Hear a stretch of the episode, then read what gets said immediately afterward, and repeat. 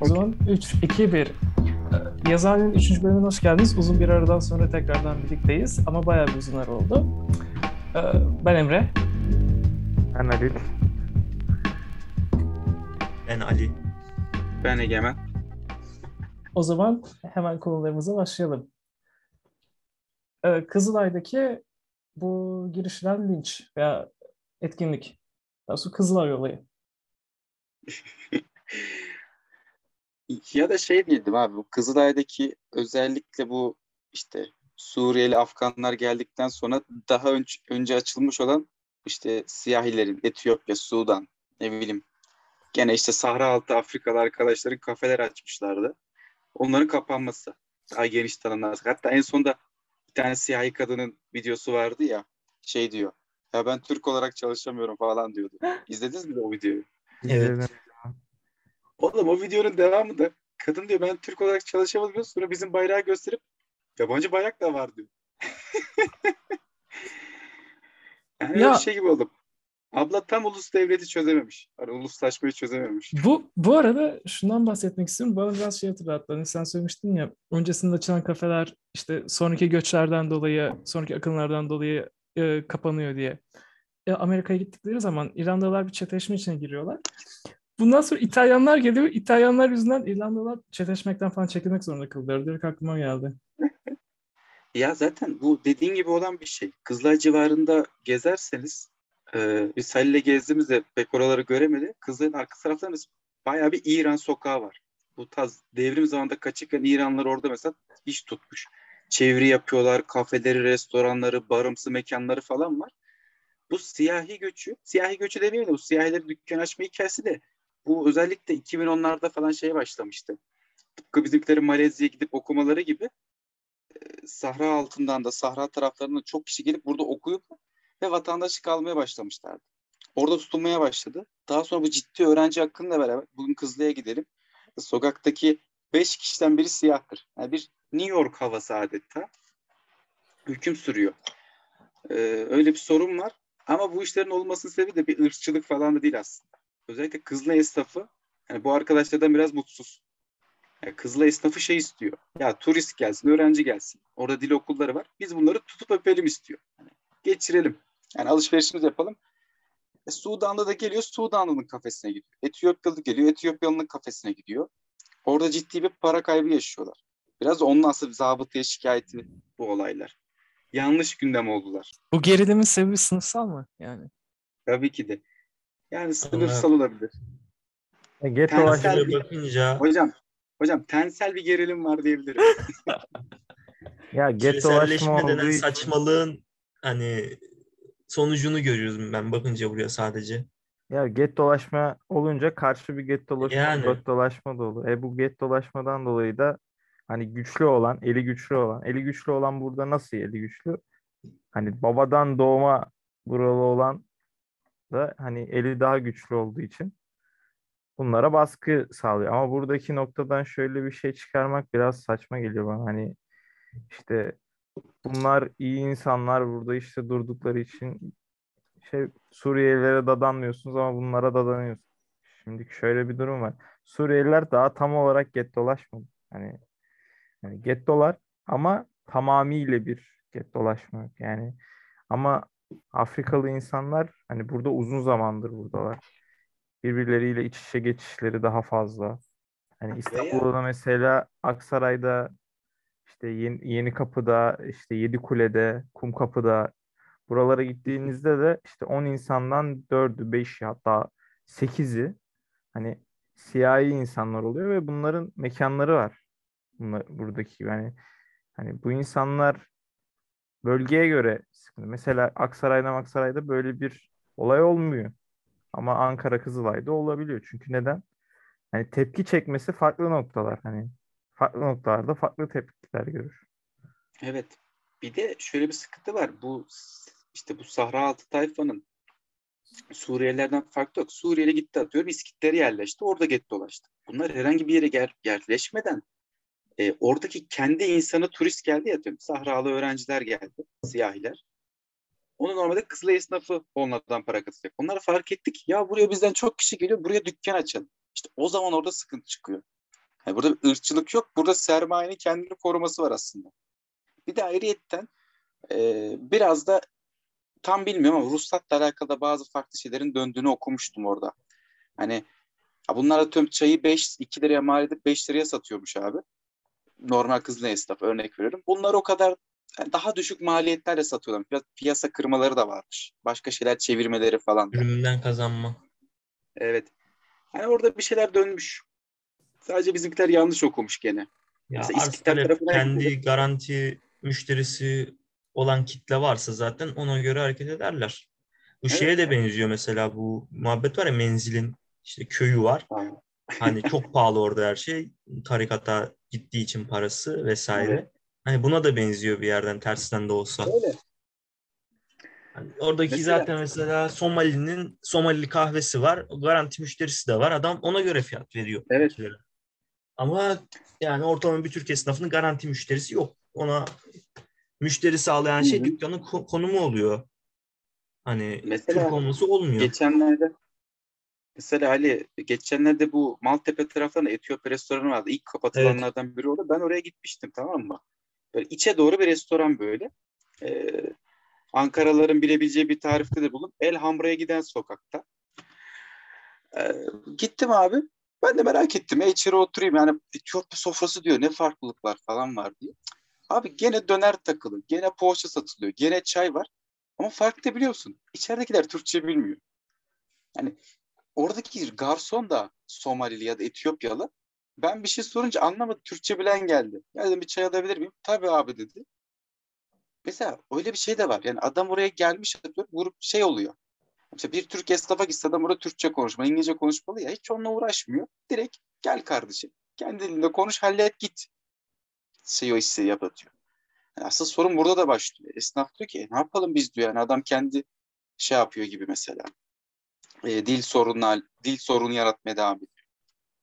O zaman Yani. Bizim o zaman Somalili Somalili'yi gurbette öpermiş deyip bir sonraki yani konumuza geçelim mi? arkadaş şimdi tam tersi Tanzanya'ya gitti mesela. Hani garsonluk yapıyor çocuk. İngilizce yetiyor ona ama hani düşününce delilik ya.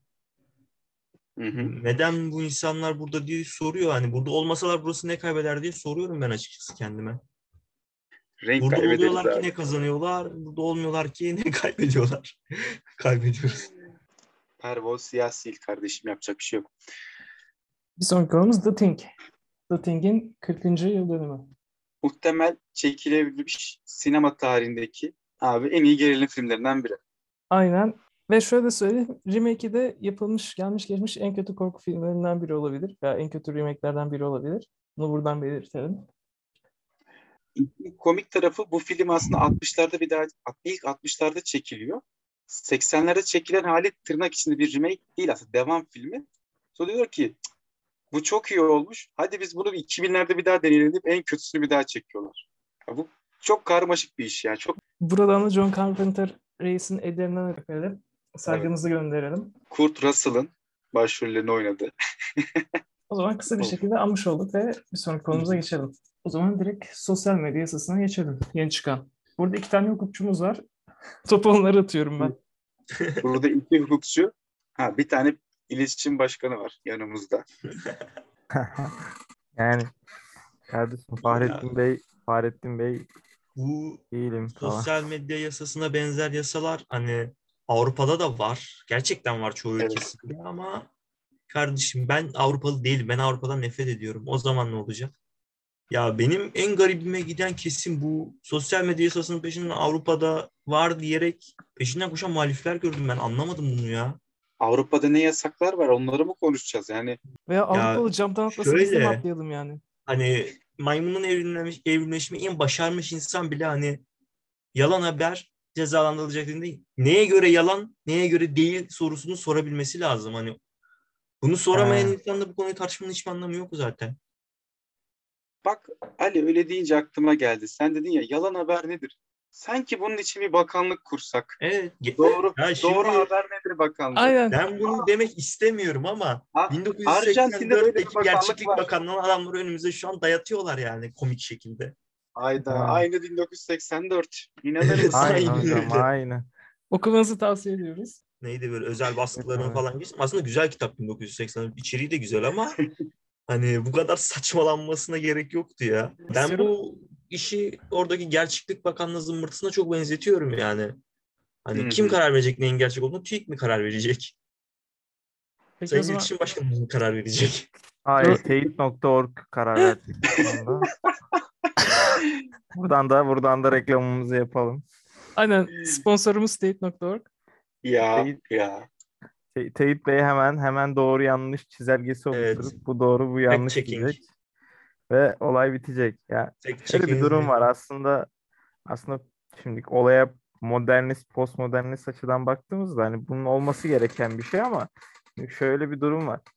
Yalan haber hani şimdi medya dediğimiz şey dördüncül büyük güç olduğu için devlet için, devletler için daha doğrusu. Şimdi yalan haberin e, sıfatını vermediğin anda hani bir anda devletin istemediği her şey yalan olmuş oluyor. E, Evet. böyle olunca da herkes göt altına gider. Hani yani bu konuda hatta hatta ve hatta şöyle bir durum var. Bu noktada çünkü yalan haber e, dediğimiz şeyin kategorizasyonunu eli güçlü olan insanlar yapar bundan sonra. Mesela çok basit bir denklem içerisinde işte muhalefet için de ana muhalefet için de işte devletin hükümet için de bu göç politikası ikisi ikisi için de paralel gidiyor. Yani işte iki tarafta Cenevre'nin işte değiştirilmesi gerektiğini falan söylüyor. İşte eee, ana muhalefet başkanı böyle bir şeyin olmadığını, işte Suriyelilerin Suriye'ye döneceğini söylese de işte partinin içerisinde oluşan politika, yani göç politikası dediğimiz o yapıda böyle bir şeyin olmadığı, bunları entegre edeceğiz söylemi. Şöyle bir durum var. Yani bu noktada insanlar sığınmacı e, Cumhuriyet Halk Partisi'nin yaptığı işte kavala mavala söylemlerini ekarte edip işte göçü, ekonomiyi ön plana çıkardıklarında "Ha, bunlar diyecek ki biz bu yanlış deyip kendi gündemlerini de belirtileyebilecekler artık yani hani böyle bir durumda. Ama tabii sıkıntılı şeyler bunlar. O zaman ben şuna geçmek istiyorum. Çok önemli bir filozofumuz vardı. Diyordu ki anonimlikle mücadele edilsin. Onun dediği, onun istediği olacak mı peki?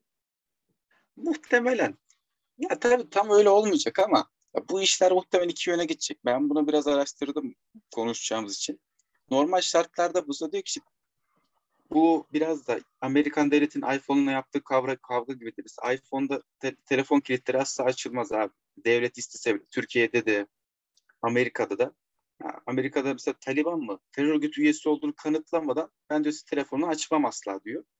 O da diyor ki telefon açmadan kanıtlayamayız diyor. Mesela bazı telefonlar o yüzden açılmaz. Türkiye'de de öyle mesela. Suçlunun parmak izi olmadan o telefon açılamıyor ya. Mesela emniyette de mesela o adamın parmağına ihtiyaç var o iPhone açabilmek için. Çünkü iPhone açmaz. Burada da şuna benzer bir durum var. Mesela şey diyor bu yeni medya düzenlemesi. Bir milyondan fazla üye veya aktif hani kullanımı olan siteler diyor temsilcilik açmak zorunda diyor. Şimdi ne geliyor aklınıza? Twitter, Twitter, YouTube, Facebook, Instagram. Mesela buna Geçen mesela şey de çıkmıştı bu benzer aslında. Bunlar Evet, ofiste evet. açmıştı sanırım. bazıları açtı bazıları açmadı. Ve buna mesela örnek vereyim Reddit'te giriyor. Buna Hı. LoL'de giriyor mesela. Tamam mı? Bunu da geçtim. Burada mesela dedi ki ya dediğinizde mesela bazıları açmadı. Burada sıkıntı orada başlıyor mesela. Para cezası veriyor. Tamam 30 milyon lira. Abi şimdi milyar dolar kazanan Google 30 milyon lirayı ne yapar? Hani şey Saat- iki ay bek- Saatlik İki reklam geliri bile değil yani adamların o para. Dakikalık adam reklam geliri. iki ay bekleyeyim. iki ay bekleyeyim zaten 1 milyon dolar yapacaklar. Sıkıntı buradan sonra başlıyor ama abi. 30 milyon, 5 milyon dolar bir şeyler bir şeyler olacak. Sen temsilcilik açmadığın sürece. Ve adam sonra şey diyor ki reklam yasağı son aşamalarda ve en sonunda en tehlikelisi başlıyor. Bant daraltma cezası. Sen o siteye girememeye başlayacaksın. Yani asıl amaç bu zaten. Burada sen oraya girememeye başlayacaksın. Bunun benzeri Çin'de de vardı. Çin ve İran'da da var. Hiç orada bulunmuş biriyle konuşmuyorum da Çin ve İran'da internet özellikle ye, resmi olmayan, yerel olmayan sitelere girmekse çok yavaştır mesela. Seni oraya sokmaz. Çin'de de bu hikaye böyle başlıyor ve Hı. şey diye başlıyor. Çin aleyhtarı bir konuşma. Ülkemiz hakkında kötü konuşuyorum. Biz bunlara böyle böyle ceza vereceğiz diye başlayan bir hikaye. Bant daraltma gelecek ki bizim ülke bunlara yabancı değil. Twitter'ın başına gelenler zaten Wikipedia. her ay bir Twitter'ı Her ay şey aynı zamanda. Hı hı. Üstüne abi bundan sonra da erişim kararının engellenmesi. Yani porno sitesi muamelesi görecek bundan sonra temsilci kaçmayan. Ya en uzun vadede bu hikaye. Yani şöyle Ve- mi oluyor anladığım kadarıyla? Direkt bir kapatma yok. Ee, sitenin girişini yavaşlatıyor fakat Gerek en yok. sonunda mı kapatıyor? Tabii tabii. Ve muhtemelen en sonunda kapatmayacaklar. Siteyi daralttıktan sonra zaten kullanım oranı azalacak. İnsanın ilgisi bitecek. Hani şey gibi Şirket korktan teslim kullanmayı olacak zorlaştıracak. Evet evet. Yani amaç buna doğru dönecek. Ya bunu ben şey kısmına biraz daha hakim, Avrupa'yla karşılaştırma kısmına hakimim. Biraz Avrupa'da nasıl, Türkiye'de nasıl kısmından bahsedebilirim biraz daha. Ya Avrupa'da kişisel veri koruma hani Türkiye'den bile katı aslında. Ve Hı hı. aslında Türkiye'nin yaptığı şeyler devletin egemenliği için doğru olan şeyler, olması gereken şeyler. Yani devlet dediğin hani siber vatanda da yani takip edebilmesi lazım neyin ne Ama olduğunu az çok. ama ama devlet ayrı, hükümet ayrı. Avrupa'da mi? mesela gerçekten hani şirketlerin hani devlete vergi bilgi yükümlülüğü çok daha fazla. Amerika'dan ve Türkiye'den fazla. Avrupa kendi kendine özgü biraz daha. Her alanın orası bürokrasi gibi olduğu için şirketler sosyal medya şirketleri bile bürokratik şekilde işliyor orada. Bürokrasiye Hı. uygun işliyor. Ya mesela hatırlarsanız eskiden spor salonu ya da benzeri bir yer kullanırsa parmak iziyle bir yerlere girebiliyordu ya da el iziyle. O kalktı. Hı. Bunun sebebi Avrupa Birliği kişisel hakları koruma kanunu çıktı. O muhteşem her siteye girdiğinizde cookie'leri onaylıyor musunuz diye soruyor ya mesela bazı siteler. Hı. Sonra da Onu- üç gün sonra size kaçak bahis sitelerinden reklam mesajı Ha. geliyor. Çak. Onun sebebi de Avrupa'nın yaptığı bir şey. Siz niye milletin parmak izini alıyorsunuz? Siz bu bilgileri ne yapıyorsunuz dedi. Niye? Çünkü devlet diyor ki bu bilgileri bir tek bende vardı. Siz ne istiyorsunuz da çevirdim. Spor salonlarında Türkiye'de bile mesela bu iş kalktı. Avrupa'da hayli kalktı. Hatta bilirsiniz Google Webs'in en az e, video veriye sahip olduğu ülkelerden biri Almanya'dır mesela. Evet Almanya'da Evet. Gidin Almanya'da hani mesela sokak görüntüleri yok. kısmına girip bakın görürsünüz böyle hani bomboş Almanya bembeyaz. Sadece böyle Evet, ana birkaç ana meydan. caddeleri var.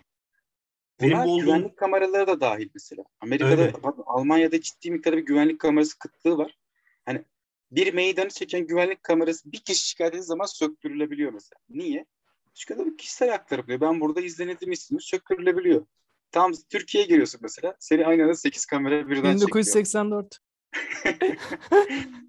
yani kişisel aletlerin mesela miras kalıp kalmayacağını çok ayrıntılı şekilde sosyal medya hesaplarının miras kalıp kalmayacağına bile karar verebiliyor buradan birisi. Hangi sosyal medya Evet. hesabının kime verilip verilmeyeceğine kadar.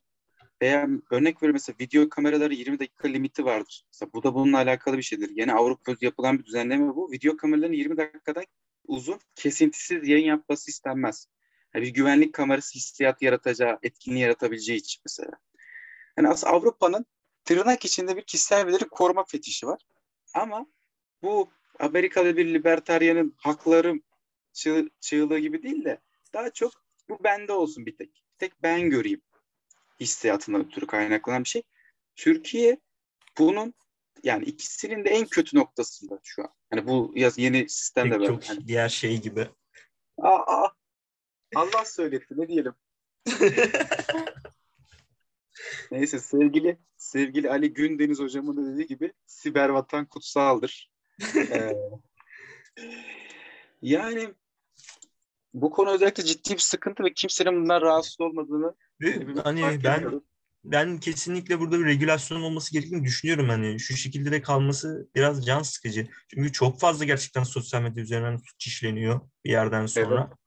Aga yani ya Dingo'nun Şu da var hani devlet kapalı cezaevi gibi oluyoruz. yani devletin kendisine karşı işlenen suçlar deseniz devletin çok da bir takibi yok. Hani çok böyle kişisel belli değilse kişisel olarak kim olduğunu inkar edemeyeceğin kadar. Hani herhangi bir sosyal medyada ettiğin küfürden hakaretten bir ceza alman imkansıza yakın yani bulunman bile zor. Hı hı. Devlete karşı bir suç işlemediyse. Peki bir şey soracağım. Bu yasayla ilgili V- e, VPN veya VPN benzeri e, uygulamalara bir limit gelecek mi? Bir yaptırım olacak mı? Bir fikriniz var mı? Benim o konu hakkında bir bilgim yok ama yani şeye doğru bak bu VPN'den daha ciddi bir sorun mesela. Evet şu an ıı, kapalı internete doğru gidiyoruz. Ülkeye kapalı biraz da. Ülkeye açık sadece. Kendi, ülke içindeki internete doğru gidiyoruz sadece şu anda. Hani Mesela VPN'ler de Allah- yasaklanıyor. Yasaklanır açılır ama sen asıl konu burada dünya internetiyle bağlantının kesilmesi. Oraya Evet. kesildikten sonra istediğin kadar VPN şey et. Mesela bak gene kapalı oraya internette, gidiyor ama. kapalı internet demeyelim de kontrollü internetin en Aynen. gizlisi Aynen. ve inşallah devletimizin kulağına gitmeyecek bir bilgi vereyim size. Şimdi hepimiz torrent kullanıyoruz değil mi? Ya da bilgisayarımıza bir şey indiriyoruz. Evet. Mesela bak bu, bunu nereden indiriyoruz abi? Şeyden indiriyoruz. İşte ağ sağlayıcımızdan. Değil mi? Yani bir ağ var. İşte atıyorum Türknet, TTNet birinden aldık. Ondan indiriyoruz değil mi? Ne indirdiğimiz bizle alakalı. Yani şey olarak film indirdik, oyun indirdik.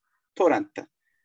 Şimdi Türkiye bir şu aralar e, sanal bağların çorak ovası olduğu için kimse farkında değil ama Amerika'da torrent mesela niye kullanılmış merak ettiniz mi? Satış kültürü çok farklı ya. Orada hani Evet. normal dandik video oyun hani direkt böyle nasıl diyeyim sana kaset gibi video satan GameStop hala dükkanlarında oyun satıyor çatır çatır. Tabii. Bir de bir de şu Bak, var mesela Kültür bahsettiğiniz büyük, farkı var orada bayağı. bahsettiğiniz büyük görünüyor. markaların e, kongrede bayağı bir adamı var mesela. Onlar da çok fena bastırıyorlar bu yasa konusunda. O bastırma ile beraber çok güzel, çok tehlikeli bir yasa var abi. Bak o özgür internet, denetimsiz internet, denetimsiz yani neyin ne olduğu bilinmeyen o siber dünya diyorsun değil mi? Abi torrentten indiriyorsun herhangi bir dosya. Çünkü o senin ağ sağlayıcından geçiyor. O, yani ha- hangi IP'ye nereden indirildiği gözüküyor değil mi torrentte? Hı hı. Blockchain gibi mi yani torrent? Ha. Ama evet bak giriyor ve öbür ay abi internet faturanla beraber tak sağlayıcından bir belge kağıt geliyormuş. Ben bunu okuduğumda çok güldüm ve çok araştırdım. Hani şey gibi torrent kullandığınızı biliyoruz. Bir daha yapmayın. Bir daha yaparsanız sizi internet sağlayıcımızdan çıkarırız gibi. Amerikan hangi eyaletinde olursan ol abi. Adam senin korsan içerik kullandığını bak bugün WhatsApp'ta uçtan uça şifreliyoruz biz bakmıyoruz diyor. İnternet sağlayıcı ki biz her şeyi biliyoruz ha torrent indirmişsin. Bir daha yapma diyor. Yaparsan da gerçekten ikinci ay seni şeyden atıyorlarmış o ağ sağlayıcından. Git diyormuş yeni ağ sağlayıcı edin. Ya bu biraz amatör amatörlükle ilgili abi. Bunların da bilinmeme şeyleri var yani. Sağlayıcıları E, var. Mesela bak Ama- Türkiye'de Türkiye'de VPN işte şeyleri kapatılıyor. İşte hotspotmuş işte bilmem ne VPN'miş. Bak, Cloudflare Bunlar- bile kapattılar ya. Kullanamıyor. Bunları bunları kapatabiliyorsun falan diyorlar. Abi şimdi bak VPN bilgisayar içerisinde en rahat şekilde kurabileceğin bir şey. Yani iki dakikada öğrenip hani yani yaklaşık bir buçuk Kendi saatte VPN bir buçuk saatte- gayet. evet bir buçuk saat içerisinde kendi VPN ağını kurabiliyorsun. Ama bunun olayı ne? Sıkıntısı ne? 5 dolarlık bir aylık ödemen oluyor. Yani senin için tek sıkıntı hani VPN'i sürekli kullanıyorsun anda 5 dolar hiçbir şey. Ve hani istediğin yerde mesela Türkiye'ye en yakın e, ağ Frankfurt mesela diyelim. Hani Frankfurt'ta kuruyorsun. İşte internetini de fazla yormuyor. Mesela şimdi bizim kullandığımız VPN uygulamaların çoğu Wi-Fi yorar. Yani daha doğrusu interneti yorar.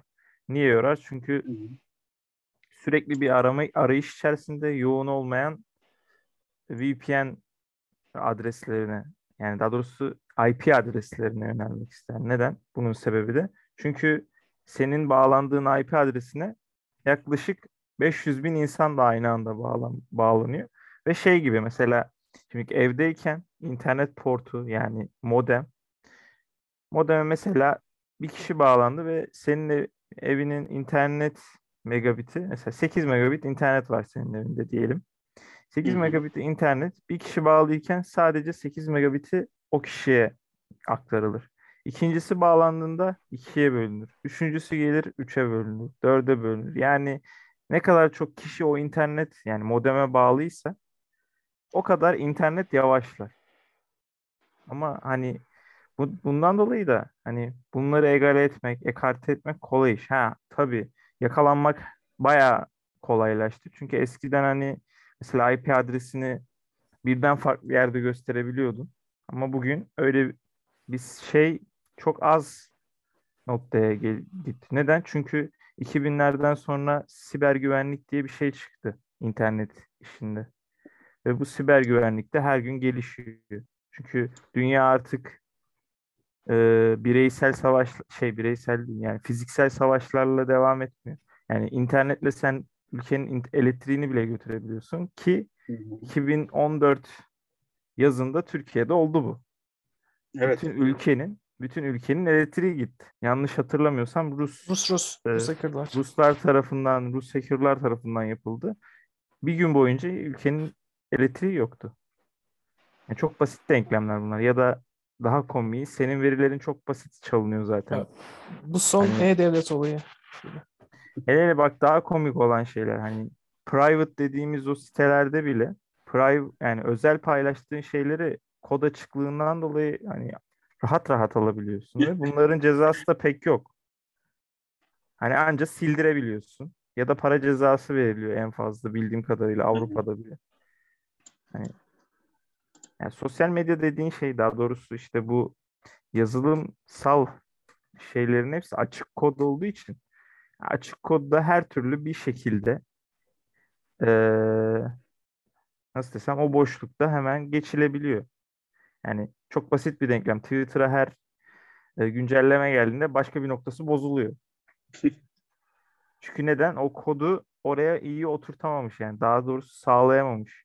O yazılan kod düzgün oluşamamış da diyebiliriz. Yani ne kadar çok engel koyarsan koy devletsel olarak, biçimsel olarak bunu ekart etmek kolay. Bu hukukta da böyle. Yani iki, biliyorsunuz hani bir yasayı kötüye de kullanabilirsin çok kolay bir şekilde. Hatta kötüye de değil, Evet. boşluğundan da yararlanabilirsin. Hani hayat böyledir. Beşeri bir şeyin boşluğu her zaman vardır. Ya işte klasik devlet hareketi. Şimdi liberal liberal konuşmak istemiyorum ama yani devlet yol yapacağına çit dikmeye çalışınca internete hem sorunlar devam ediyor hem de gereksiz bir sıkışıklık yaratıyor. Neyse. Neyse kardeşim bazen devlet sanal ortamda yok sanırsın. Sonra şak evine bir belge hangi sitelere girdiğini biliyoruz. Yani ya hangi mesela o da komiktir. Biz işte ben ilkokulda falandım. Şey sanılır yani abi tele işte bilgisayara geri dönüş kutusuna atarsın. Sağ tıklayıp her şeyi sil dersin ve o bilgisayardan gitmiş olur. Düşüncesi vardır ya herkeste. Tabii, Yani tabii. öyle bir şey bile yok. Bir tane uygulamayı indiriyorsun. İşte hangi uygulamada nereye girdin, hangi bilgisayara ne yükledin, bilgisayardan ne sildin, her şeyini ben yani 5 dakika içinde öğrenirim. Yani bir şeyin yani mesela o bilgisayardaki hard diski yok etmeden mesela hani Hı hı. sildiğin hiçbir şey silinmemiştir aslında. Ödev, ödevlerim dosyasını sildiğini anlamadın mı lan? Sibop. Yani o yüzden hani bu konuda bu konuda pek yasa gelip de bir şeyleri yani dediği gibi Aylin hani kendin hataya gitmediğin sürece yani işte mesela şey gibi hani küfür ediyorsun küfürden seni şeye çağırıyorlar polis çağırıyor ifade veriyorsun. Diyorsun ki ben devletimi milletimi seven bir adamım işte bunu da bilmem neyden dolayı yapmam. Bunun hani direkt hani kabul ediyorsun sorun ama bunu kabul etmesen de hani olabilir ya burada biraz alık olmayacaksın noktası. İspatı karşıya bırakacaksın. Hesap Tabii tabii. bana ispat et. Adı Bul benim beni adı kardeşim. Ali mi bu hesabı şeyden? Milyonlarca Bir Ali var. Ali var. Bana Yani- ait olduğunu ispat et demen lazım bu hesabı. Hani Evet. Bunu yapabilmiş devlet diyor ki o zaman bana diyor temsilcilik açtır, açtıracağım. Hepinizin IP'sini bulacağım demeye getiriyor devletimiz. Ya o Hani- da zaten büyük bir suç. Hani IP adresi E şey bu. gibi oluyor. Ya devlet tarafından suç bu arada. Hani mesela şu anda yapılan bütün yasalar hani bilişim noktasında yapılan yasaların çoğu BTK'ya göre suç. şunu da demek lazım. Hani bunu deyince insanlar komik karşılıyor ama bunu söylememiz ne olursa olsun lazım. Şu haliyle şu tas getirildiği haliyle anayasaya aykırı bu. Kesinlikle. Yani. Belirsiz. Kanuni hükümlerden uzak. yani bilgi edinme hakkına aykırı. Kesinlikle. Böyle. Yani sadece bu değil mesela bu kapsamda pek çok yasa var. Sermaye piyasası kanunu 109. maddesi var aynı şekilde. Hı.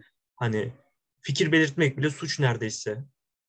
Bu Yani bankalar hakkında ileri geri ileri geri yöneticileri mesela o madde kapsamında şimdi yargılanıyor. Bunun Hı hı. gibi çok madde var son 5-6 yılda çıkarılmış. Bunların hepsi anayasa aykırı mesela.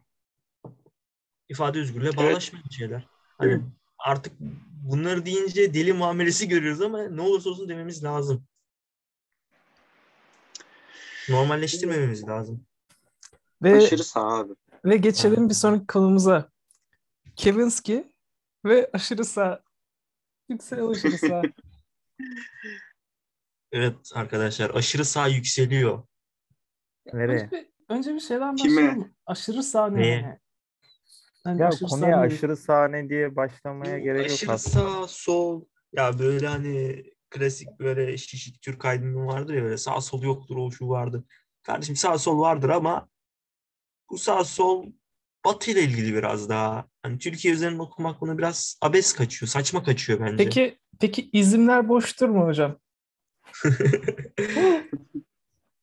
Avrupa için aşırı sağ nedir? Hani yeni bir Nazilikle özdeşleştiği için biraz daha terördür, odur budur. Hani korkutuyor onları kendilerince. Boş bu hani Avrupa'da aşırı sağın yükselmesi normal. Neden normal? Avrupa Birliği'nin yapısına baktığında göreceğin ilk şey şu. Avrupa Birliği Avrupalı olmayanları sınırlar dışında bırakma üzerine kurulu. E tabii faşizmi de bu şekilde dışarıda bırakma üzerine kurulu. Yani biraz Sen Avrupa dışarı Birliği- yabancı, sen dışarıdan yabancılar getirdiğinde doğal olarak Avrupa Birliği'nde o ırkçılık yükselecek.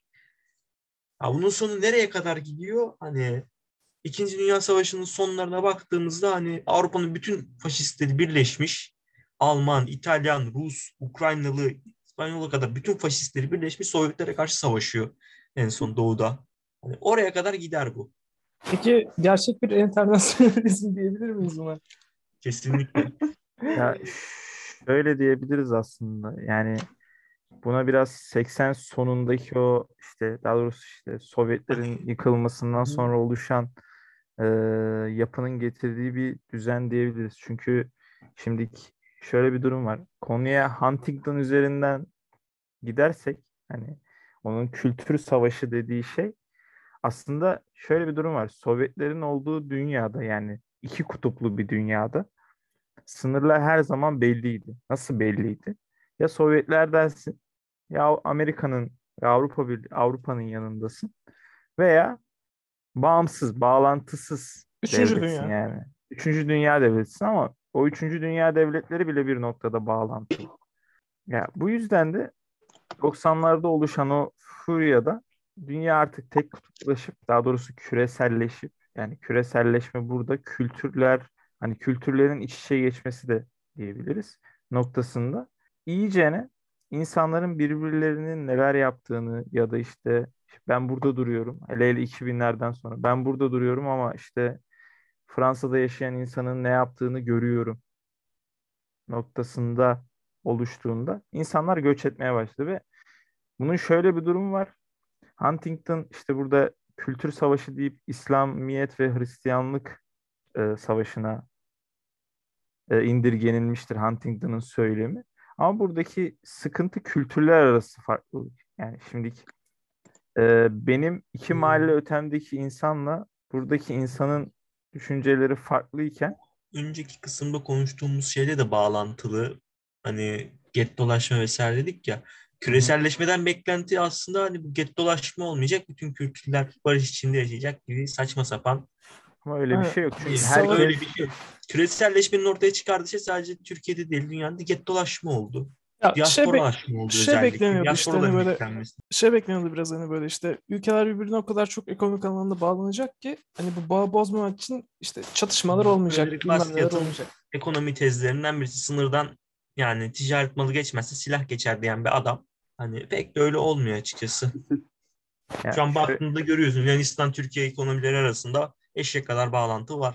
yani Çin'le Bu- Tayvan arasında eşek kadar ticaret hacmi var. Abi Ukrayna Benzer Rusya öyleydi yani hatta. Aynen öyle. Hani o kadar basit tek düzey indirilebilecek şeyler değil. Ya bundan da önce benim konuşmak istediğim bir şey var. Türkiye'ye yapılan eleştiriler biraz daha at gözlüğüyle sadece Türkiye'de oluyormuş gibi yaklaşılıyor. Hani tüm dünyada gerçekten şu an aşırı sağ mülteci karşıtı denen şey yükseliyor. Fransa, işte Polonya, Macaristan özellikle. Polonya Abi. hep öyleydi ama abi. Hani şey olmasın Evet. ama. Ya şimdi hayır sadece Türkiye'ye bakıp Türkiye ırkçı bir yer oldu demek dışarıyı okumadan bunu yapmak hatalı değil de hani yanlış sonuçlar verir. Yani Bence Türkiye dünyada sorun- izole bir yer değil. Dünyada Türkiye'de Evet. izole bir yer değil. Biz burada gülüyoruz. Amerika'da adamlar ciddi ciddi derin devlet tartışmaya başlıyor. Günaydın yavrum diyeceksin. Bak burada ben şey sıkıntı diyorum. Halil dedi iki kültürlük. Bence aslında bu kültür noktasında iki, iki kültürlüğün şöyle bir etkisi de var. Her gelişme biliyorsunuz bir ilerleyen taraf vardır. iyi ya da kötü. Bir de geride kalanlar vardır. Bir de ilerlerken oraya dahil olan üçüncüler vardır. Yani geri kalmazlar ama bunlar nereye gidiyor derler. Yani aynı yolu yürürler ama birileri çok ileriden gider ya. Bence kitlesel olarak da öyle bir sıkıntı var. Yani biz bas bugün popüler olarak insanlara Nazi ya da aşırı sağ denmeye başlandı ya. Niye mesela? Adam diyor ki hadi niye bu kadar insan var benim ülkemde? Ya da adam diyor ki mesela niye diyor ya Netflix'te sürekli gay var diyor. Ya da diyor ki ya 76 cinsiyet mi olur oturun oturduğunuz yerde diyor. Mesela örnek veriyorum. Ya bu adamların gidelim eskisi gibi olalım gibi bir fikriyatı yok mesela. Bir de adamlara böyle bir ithamda da bulunuyor. Herifler aşırı sağ itiliyor ya. Hani e, geçen mesela bununla alakalı bir şeye bakıyordum. E, bir ödül verilmişti abi. Bir şey domates diye. En homofobik ödülü falan veriliyor tamam mı? Görmeniz lazım adayları. İşte Efe Aydal, işte ne bileyim J.K. Rowling falan onlar böyle yani boş boş şey, boş boş insanlar demeyelim de hani pek bir şeylikleri yok. Hani homofobi bu değil diyorum. Aa, hormonlu hormonlu domates ödülüymüş. Evet evet. Bunlardan biri de abi Monsieur Talha mı? Öyle bir çocuk vardı hatırlıyor musunuz? Harry Hı hı. Potter içerikleri çekiyor. Adama homofobi ödülü vermek istemişler. Niye biliyor musunuz? J.K. Rowling hani homofobik söylemlerde bulunmuş sözde. Kadına kadın demez. Neyse. Bak J.K. Rowling'i keşke. J.K. Rowling oraya koymamışlar. J.K. Rowling'e destek veriyor diye adamı yani homofobik noktasına getirmiş. Öyle bir şekilde insanlar aşırı sağ suçlaması da var. Hani Hani- hani şey gibi abi böyle e, Hitler'i Aa, değil de Hitler'e destek veren adamı hedef göstermek gibi bir şey aslında. Bunun bir sebebi de şu siyaset dünyada da sadece Türkiye gibi değil. Hani aşırı sağ denen grupla liberal merkez arasında sıkıştı tamamen. Ya bir de insanları suçlamak çok kolay bir şey ya abi. Şey olarak ya bunlar Fransız seçimleri çok ilginç örnek konuda işte. Hani bakıyorsun Macron hani liberal, sosyal demokrat, liberal demokrat olarak bütün sağ sol herkes hani aşırı sağ olmayan herkes orada birleşmeye çalışıyor. Hı hı. Bu arada Ama işin komik tarafı bak Le Pen'e destek verenler arasında işçiseller de var ya adam da şey diyor mesela Fransız Aynı şekilde Boris Johnson'a destek destek verenler içinde çok işçiler çok ciddi şekilde Boris Johnson'a destek veriyor. Evet adama diyorlar ki niye veriyorsunuz? Ya diyor işte bu Cezayirliler, Sahra altları gel diyor biz yani rahat rahat gezemez olduk. Mesela böyle bir etkisi de var bunun komik bir şekilde.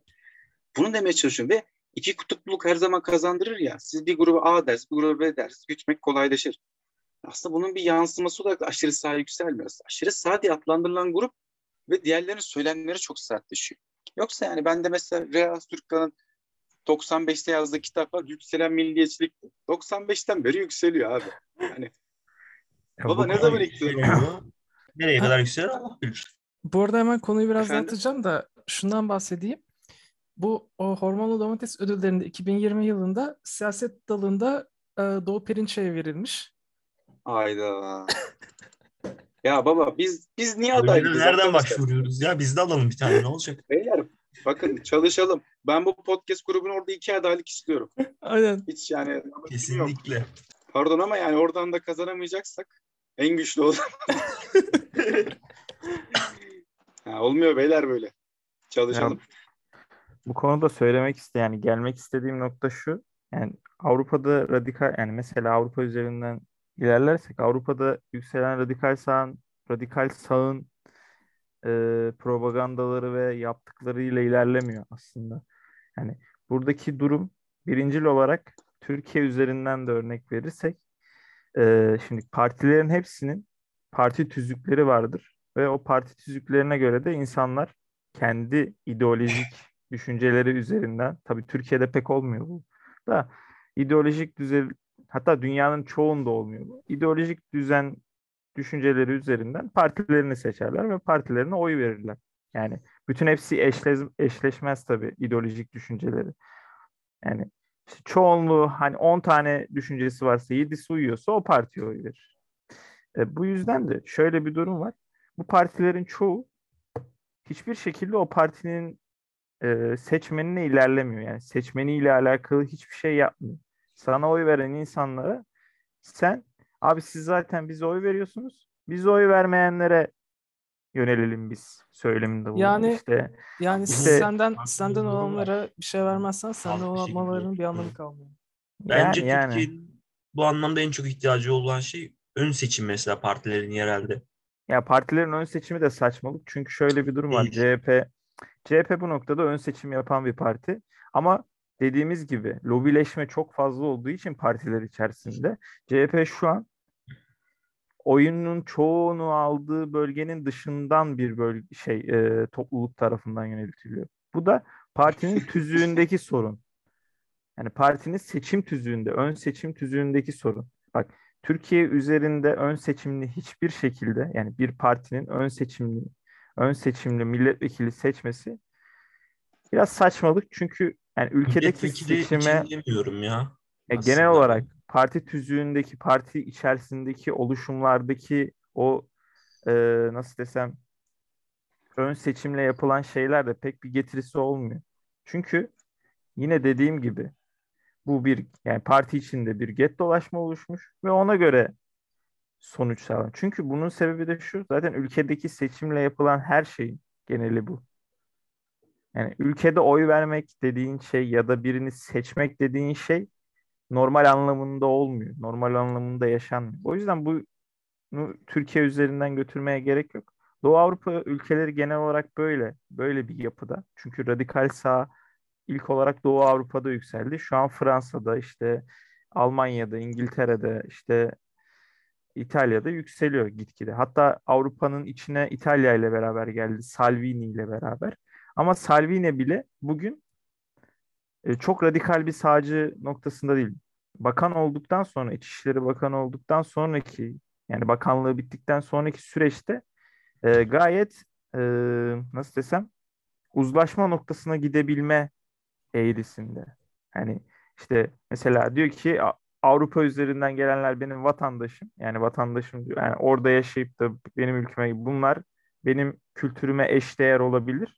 Fakat diyor işte Afrika ülkelerinden yani bizim eski e, sömürge devletlerimizden diyelim ya da Afrika demeyelim. Oradan gelenler büyük bir sıkıntı çünkü diyor kültürlerimiz pek paralel değil diyor.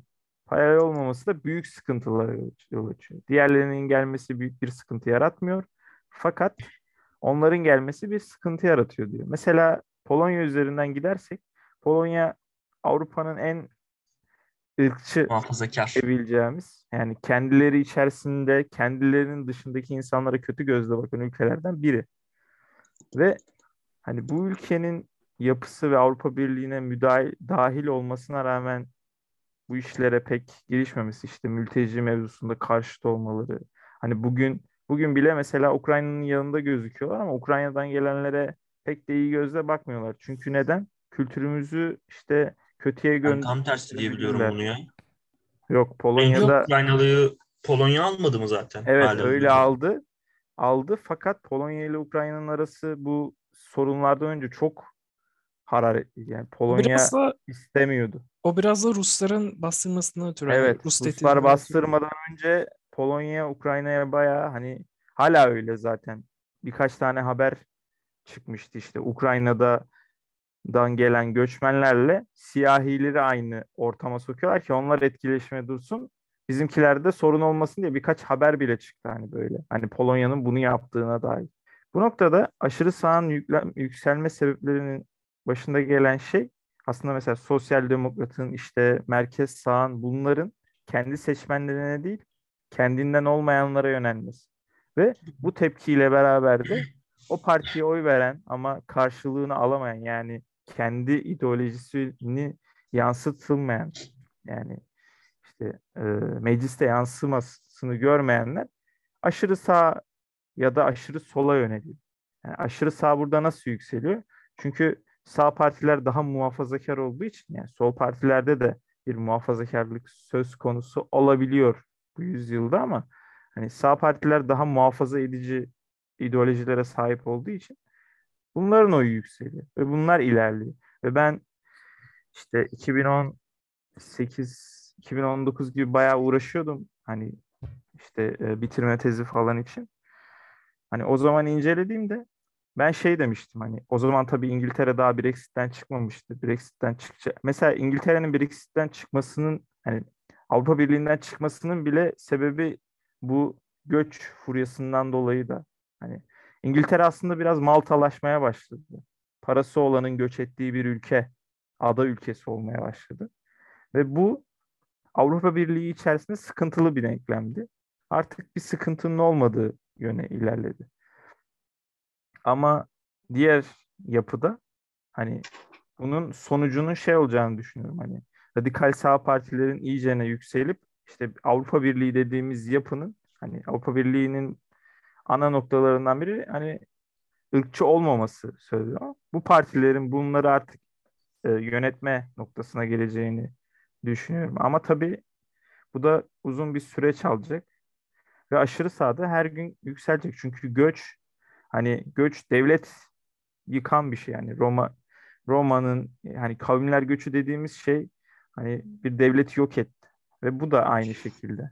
Hani çünkü değişim hani şey var hani idiokrasi filminde şeydi ya işte hani aptallar çok fazla çocuk yaptığı için dünya aptallaşıyordu. Hani burada da öyle bir durum var. Hani bölgedeki kültürel hegemonyasına sahip insanlar kültür ne kadar artarsa çocuk yapma oranı da azaldığı için hani o insanlar azalıp öbür insanlar artıyor ve sistem iyicene saçma bir noktaya evriliyor. Evrilecekti. Tabii. Hani Türkiye'deki aşırı sağ dediğimizde ise Türkiye'de o kadar radikal bir Hani, aşırı nerede? sağ yok. Hani Türkiye'de aşırı sağ diyebileceğimiz partinin ismi e, Milliyetçi Hareket Partisi dediğimiz şey mesela aşırı sağ olabilirdi. Onlar da şu anki politikaya göre aşırı derecede e, mülteci dostu. Yani Benim bu konuda ilgimi çeken dostu. bir husus Halil'in Salvini ile değindiği nokta benzeri Viktor Orban için de geçerli. Hatta şu anki Cumhurbaşkanımız için de geçerli. Bu insanların hepsi özgürlükçü ve demokratlıktan şu an oldukları benzer yere gelmiş insanlar ilginç şekilde. Yani yani. Ya işte mesela bak bu fiziki olarak da mesela fiziki aslında verdiğiniz örnekler fizikiyle alakalı bir şey ya. Yani mülteci yani direkt bir insan göçünün kültürel değişimi var. Bir de bunun hani fikri olarak ben daha çok şey kısmına baktım ya. İşte hani kültürel olarak bazı değişimler yaşanıyor. Fiziki de yok demedim. Bilinç olarak. Adam diyor ki mesela hani iktisadi olarak diyor mesela ya bu kadar kapitalizm olmasın diyor. Ya da tam tersi devlet bu kadar müdahale olmasın diyor. Ve bu konu hakkında mevcut partilerden bir şey bulamayınca her zaman biliyorsunuz abi kavgaya son giren en çok yumruğu atmaya çalışıyor ve daha farklı fikirleri savunmaya çalıştı. Hani Avrupa'da da dünyada da belli bir her her siyasi kesimin belli popülariteleri vardı. Ama mesela özellikle Fransız seçimlerinde bunu çok gördük mesela. Conquest Partisi vardı hatırlıyor musunuz? Evet bu Eric Zemmour'un partisi. Hani Evet. e, Le Pen'in de ötesinde kalıyor. Le Pen'den de daha radikal. Abi yani Le Pen falan onun yanında MHP gibi kalıyor. Ki Le Pen de aslında o kadar sağ değil ama yani onun fikirleri aslında teknik olarak şöyle bir mantıklı var. Az önce bahsettiğimiz gibi. Yani Avrupalılık yeter artık. Hani Sahra altından, Sahra'dan çok adam geldi. Yeter artık. İktisadi olarak biz Avrupa'ya niye uyuyoruz? Bunun gibi aslında kavgaya sonradan giren adamlar %2-3 böyle bir oy aldı galiba. Bunlardan bıkmış adamların sesi aslında. Ya onun hakkında da araştırma yapıyorlar. Benzettiğiniz gibi gene işte farklı kesimlerden oy vermesinin yanı sıra bir de şey e, ona ne denir? Hani sosyal sosyal demokrat kesimden daha oy aldığını gösteriyor. Çünkü adamlar şeyden bıkmış. Yeter hani fiziki olarak da kültürel olarak da genel dayatmadan mutsuz olan insanlar yığını ya bu. Ya E bunu Hı hı. aşırı sağ sopası gösterilip hani liberallik demokrasiden sıkılmış insanların her tür insanın sığınağına dönüştü artık orası da. Evet. Ya bir de demokrasinin şöyle bir etkisi var ya aslında yığınların diktatoryası. Hani çoğunluk bunu istiyor diyor. Ya çoğunluğa sormadınız. Çoğunluk bunu istiyor deyip insana bir şey dayatınca insan demokrasiden de uzaklaşıyor ve daha sert fikirlere yöneliyor. Hatta bu geçmiş nostaljisine dayanıyor. Yani Kavinsky diye atıf yaptık ya. Mesela örnek veriyorum. Drive ya da hiç kasmayayım. Ryan Gosling filmleri niye bu kadar popüler oldu abi düşünürseniz. Yani niye? Ya çünkü eski şövalyelik fetişi abi. İyi, dürüst, yetkin bir adam var. Evet. Tıpkı benim gibi. Yani kafada öyle canlandırıyorsun. Bu literally me abi. Adam işini yapıyor. Bak gene haksızlığa uğruyor. Biz böyle adamlar olacağız. Bu işleri çözeceğiz. İnsanlar kafası olarak da bu noktaya geliyor. Hani bilinçsiz isyan kültürü aslında bunu bunu yaratır ya. Kendini şövalye gibi hissettirir. Her neyse. o zaman son konumuza geçelim. Aslında son konumuz değil. Film bölümümüze geçelim. Filmimize geldik. Spoiler bir şekilde Blade Runner'ı konuşuyoruz. Blade Runner eee, 1982 yapımlı film. Evet. İlk önce şöyle girelim. Filmi nasıl buldunuz? Ben iki ben- kere izledim. Ee, Ben, ben, bir üç şey kere izledim abi. Yok ben dün bir de bugün bir daha izledim. İşte biz bu arada direktör e, şey yönetmen katı dediğimiz en uzun versiyonunu izledik. Hani son arabayla bir yere gittikleri versiyon değil bizimkisi. Evet. E, onun farkını verelim. Onun hakkında bir bilgiler veririz. Ya abi her izlediğimde hani Malumatı veririz biz. efendim Malumatı veririz diyorum. Ha tabii. Abi her izlediğimde kafam gidiyor ya film izlediğimde ve şeye çok şaşırıyorum biliyor musunuz? Hani filmin iyi olmasını falan geçtim. Ya muhtemelen çekilmiş dünyadaki en iyi 5 filmden biri benim için. Ee, o kadar detaylı bir film ki abi. Hani sürekli yağmur yağıyor, ıslak, cisimler fark ettiyseniz abi Ne o günün. CGI'ine rağmen devasa bir yer. Cyberpunk ve kültür olarak da muhteşem ya şey hı. cyberpunk gibi ama mekanik ve fark ettiğiniz inanılmaz bir kültür karmaşası var. Evet hani böyle Hani- şey gibi her taraftan bir göç almıştı. Mısırlısı var, Japonu Evet. var, Çinlisi var. Evet evet ve kimin ne konuştuğu anlaşılmıyor. Ve bu esnada biri diyor ki abi replika diye bir şey var çok ciddi sıkıntı yaratacak. Hani Hani İstanbul, böyle İstanbul'da adam avlamak böyle. 5 yıl sonra İstanbul yani öyle söyleyeyim. Bro bir adam var. Çok iyi ama sonra sıkıntı olabilir. Bak. Deckard abim. Yani Ya- e, Harrison Filmin- Ford'un en iyi filmi bence. Filmin başlangıcı çok güzel yani. Yani ben bunu yani ben bunu değil de yani bunu herkes söylüyor aslında. Herkes değil de yani. Bu işte polis değilsen hiçbir şeysin dediği Hı hı. sahne var ya ilk sahne. Hani evet o biraz ana noktada hani vurucu çok hani ana noktayı gösteren aslında tercihlerinin olmadığı hani yani diyor ki ben hayatım, varsın ya hayattayım hayattayım ve özgürüm. Ya aslında bir Dante göndermesi var ya orada. Şimdi biraz entellik entellik kasalım. Hani yani tarafsızsan seni yok ederiz söylemi o. Hani Dante'nin de şeyi vardır ya işte cehennemin en dibini işte neydi savaş gününde tarafsız olanlar doldurur diye bir sözü var ya. Hani hı hı. yani bu söze çok paralel ve filmin kurgusu da biraz 80 hani 90'lar ve 2000'ler hani milenyumda işte şöyle olacağız böyle olacağız olayının üzerine gelmiş bir film olduğu için de kültleri yok edip önceki kendisinden önceki kültleri yok edip aslında yeni bir tarih yaratıyor. Hatta şöyle bir durum var. Çoğu insan da der zaten bunu. Hani Matrix'in olmasını sağlayan film diyebiliriz Blade Runner için. Çünkü hem sorunu gözüne sokuyor. Hani deli gibi. Hani o günün sorununu senin gözüne sokuyor aslında gelecekte gösterip. Çünkü e, bir de böyle bilim kurgu filmlerinde şöyle bir durum var ya hani gelecek kötü bir noktada oluyor ya hani mesela işte dediğim aynen yani 2000 hani mesela diyelim ki işte e, 11 Eylül olmadan önce ikiz kuleler işte gitmeden önceki o hani göç dalgasının olmadığı bir dünya her şey güzel falan ve bugüne geliyoruz ya göç dalgasının çok olduğu insanların birbiriyle işte şey yaptığı aslında hani önceden verilen kararların sonucunu gösteren bir film. E, fakat hani öyle söylenmiyor. Hani öyle görülmüyor. Mesela işte bugün bugün mesela farklı bir dünyaya ilerliyoruz. İşte yeşil işte dünya dostu bir yapıya bürünmeliyiz. İşte karbon salınımı şöyle olmalı bilmem ne falan. Ama bunu ilerletmesini sağlayan kişiler en üstteki, en üst mertebedeki kişiler ya yani sorunu yaratan kişiler. Hani zaten filmde de e, replikaları yaratan adamın yaptığı hatalar sonucunda oluşan bir şey ya. Bu e, Hatta şey diyebilir miyiz gereken abi? Kişiler. O 80'lerdeki distopya, karanlık gelecek tasvirleri bizim bugün bu kadar yeşilci bir Evet, yarattığımızı söyleyebilir miyiz? evet, evet. Düşünelim. 80'ler ve 90'lar özellikle hani Ali'nin dediğine katılıyorum. Mad, Mad Max'inden işte Waterworld'dan Mad Max, Mad Max'te var, işte Matrix'te var, Fight Recall var. var. Sadece sinemada yok bu o dönem. Hani müziklere baktığında işte şeyin Radiohead'in O Computer albümü, yine Black Sabbath'ın Hı. Dehumanizer albümü.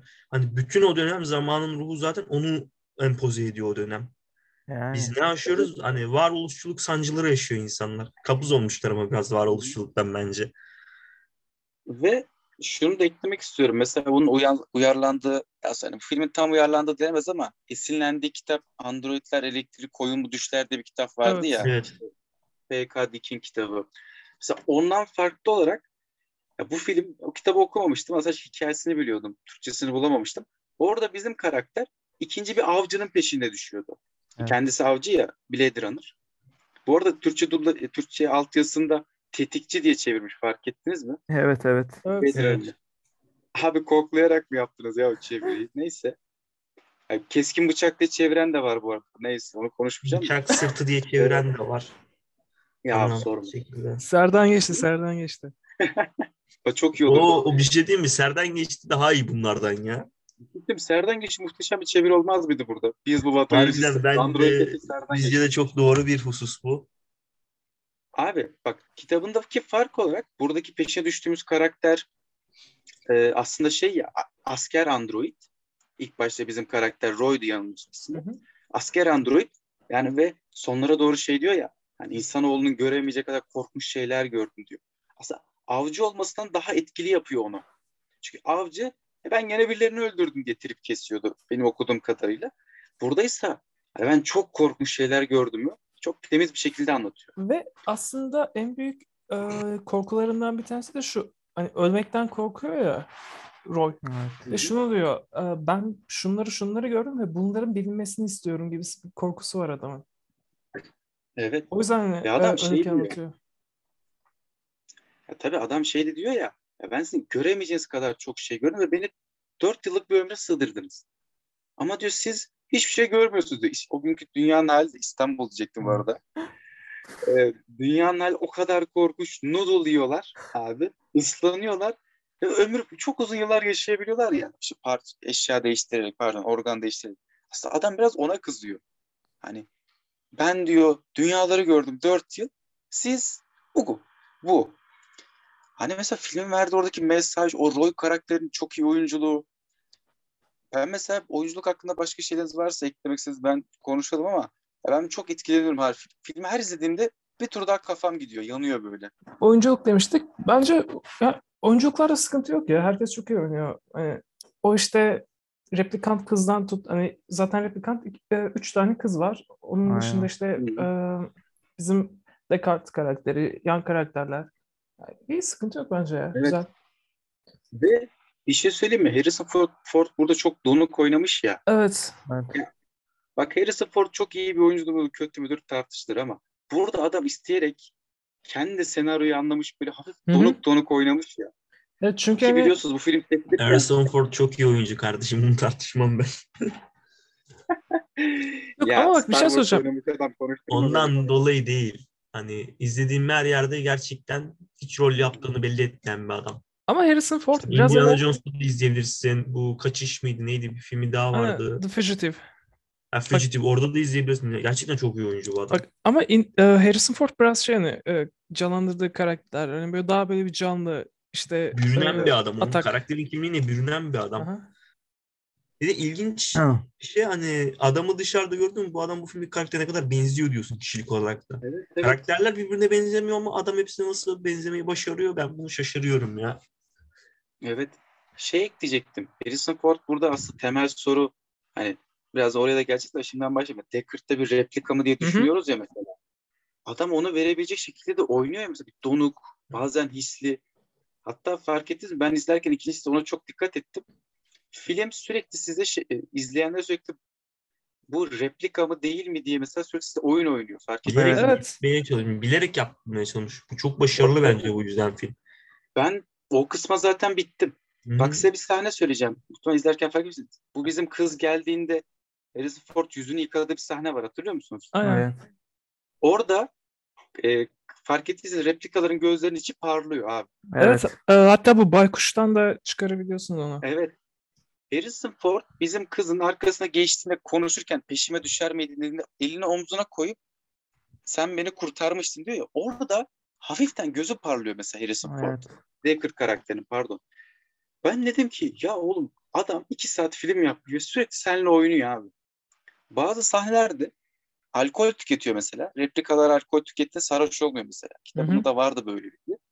Harrison Ford böyle bazen olur gibi oluyor. Her olacağı zaman size onu göstermeyi kesiyor mesela. Evet. Ben böyle şey... Bak bu çok ince bir detay. Ve seninle sürekli oynaması muhteşem bir şey. Yani zaman- normalde başka bir yönetmen yapsa ben buna herhalde hani senaryoda boşluk bırakmış beceremediği için derim ama hepsinin bilerek bırakıldığı o mesajı Tabii, vermek için tabii. bırakıldığı o kadar belli ki. Çok Ben- büyük, çok başarılı iş. Ben bu arada şundan bahsetmek istiyorum. Filmdeki replikantlarla ilgili. Replikantlar aslında robot değil fark ettiyseniz. Replikantlar yapay insan. Yani yapay bir canlı Evet. aslında. Çünkü Hı hı. e, ya filmin yazısında da hani robot falan diye geçiyor işte replikantlar da. Ama bak dikkat ettiğin zaman mesela şöyle bu Roy e, şirketin başındaki adamla konuşuyor ya. Hani Evet. Hı hı. işte bunu iyileştirebilir, iyileştirebilir miyiz dediği zaman işte genden bahsediyor. İşte böyle hani e, Evet. biyolojik şeylerden bahsediyor. Mekanik bir şey değil. Ya Aslında- şey gibi koyun hani Odi Godi miydi neydi? Aynen klon ya aslında. Bir nevi klon gibi. Yani hatta filmde klon diyor ya zaten. Hı hani. hı. Ya bak normal bir film olsa mesela bu kelime farklarının bile olması mesela insanın bir canı sıkar tamam mı? Puanını kırar. Ama bu bunu bu film mesela o kadar şey ki şey diyor sen burada seninle oynamış. Yani robot diyor, replika diyor, gen diyor. Sen de kafanda o ikilemde kal. Çünkü mesela direkt robot dese ya vurun öldürün dersin. Ama mesela öldürülen replikaların hiçbirinden mesela mekanik bir parça Hı çıkmıyor. hı. Ya filmin sonundaki sahnede aslında robot olmadıklarını ve duygularının olduğunu hani duygular daha doğrusu insan gibi olduklarını gösteriyor ya hani Evet. hani o filmin Böyle son aslında- sahnesi muazzam bir şey aslında mesela hani Deckard tam ölecekken elinden tutup hani tekrardan e, terasa atıyor adamı ve sonunda ölüyor. Ve O hani orada bir hani nasıl desem insanın başlangıçta gösterdiği yani karakterin gösterdiği rol hiçbir şekilde duygu durumu yok. Hani karşısındaki o Hı hı. kendisi tarafından kötü olarak algılanan kişiyi yok etme üzerine düşünülmüş bir şey. Ama filmin sonunda bir acıma, vicdan duygusu dediğimiz şeyin oluşması aslında. Ya da iyi Ve niyetin oluşması daha da diyelim. aslında daha da güzel bir noktaya da çekeyim mesela. Bizim Deckard bir testçi abi. Sorular Evet. soruyor. Hı hı. Bak bunu belki biraz şey gibi olacak, komple teorisyenliği gibi olacak ama komple teorisyen diyorum hani içinden bir şey çıkarmaya çalışıyor gibi. Filmin başında hatırlar mısın? Şey soruyordu. Bu sorular size yazılıp mı veriliyor diyor. Evet. Daha sonra bizim karakter de bir sorgucu. Herkese sorular soruyor. Ve en son Roy karakteri Deckard'a öyle bir oyun çeviriyor ki şey diye soruyordu. Korkuyla yaşamak nasıl diye soruyor. Aslında bir robot biliyorsunuz abi şey testi vardı. İsmini unuttum. Robot testi vardır ya abi. bir Hı tane. hı. Bunların yaptığı Hatta- ona atıf yapıyor. Hatta geçen mesela bir tane AI'lardan teki o testi geçti. Aslında burada AI eğer Deckard'ın bir replika olduğunu kabul edersek AI AI'ya aynı testi uygulayıp geçiyor. Bak mesela bunu düşündükçe bak film üstüne bağlayarak düşünebilir o kadar çok sekans sağlıyor ki abi. Ya burada hissetmeye başladılar. Burada testi onlar yapıyor ya da burada testin saçma olduğunu göster saçma olduğunu gösteriyor gibi. Ki mesela şöyle bir şey var aslında hani e, replikantların gözü parlıyor demiştin ya. Evet. İşte bu e, Tyrell'di galiba şirketin başındaki adam. Roy Tyrell'i Evet. öldürdükten sonra gözleri asla parlamıyor bir daha. Evet. Ve ben şunu Yani söylemek istiyorum mesela. başarılı. Ee, gelecek tasviriyle ilgili şundan bahsetmek istiyorum. Şimdi mesela yıl gelmiş 2019. İşte uçan arabalar var. Ama mesela 2022'ye bakıyoruz abi. Adam bir tanesi içli köfteyi kızartma, kızartalım diyor. Ya işte bu noktada bu noktadaki durum da aslında idiokrasi filmine gidiyor ya. yani.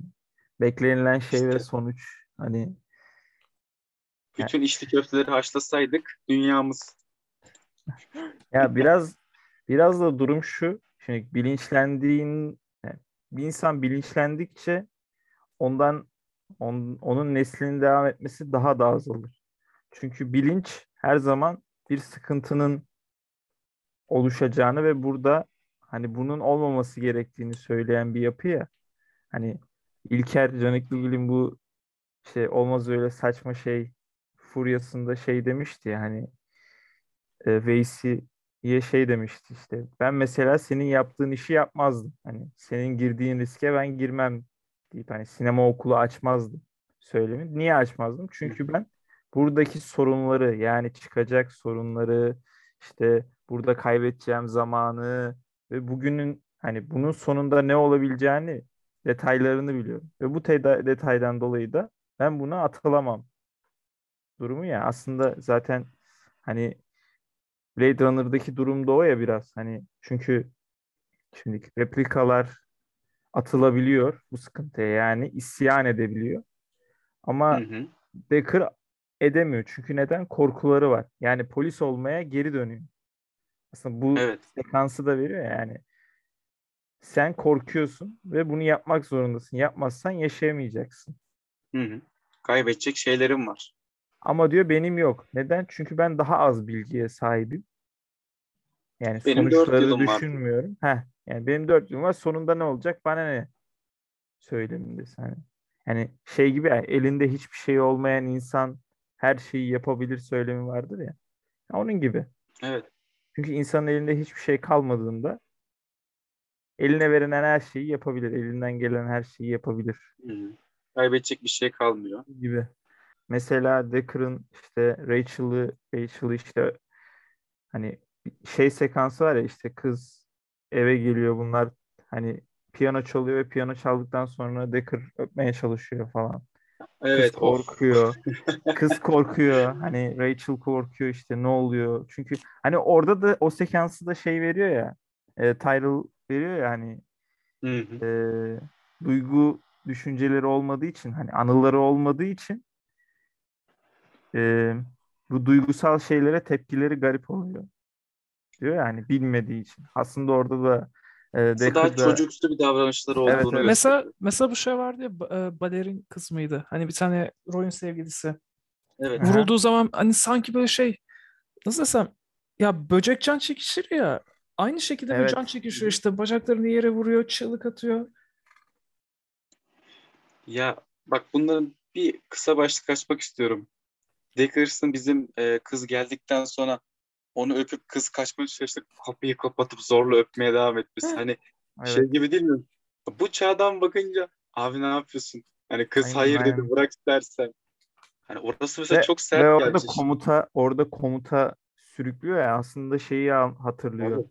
Önceki önceki şey sekansı hatırlıyor. Duygusal olarak işte çocuksu olduğu için söylemle ilerleyeceği tasvirine geliyor ve ciddi ciddi Hı hı. söylemle devam ediyor ve hani oluyor.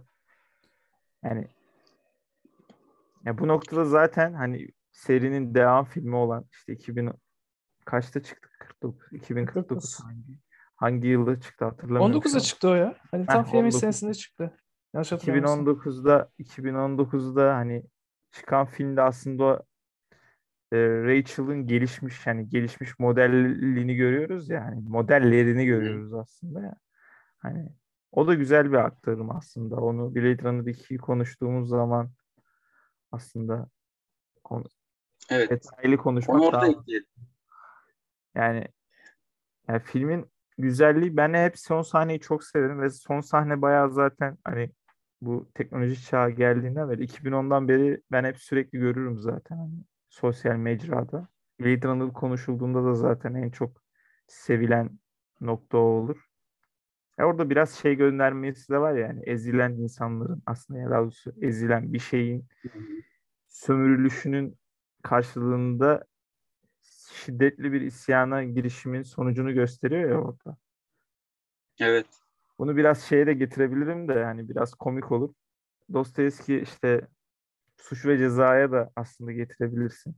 Hani başlangıçta Raskolnikov e, öldürdüğü kişiyi hani haklı olduğunu düşünerek öldürüyor ve sonrasında en sonunda yanlış hani öldürmesinin bir saçmalık olduğunu düşünüyor ya.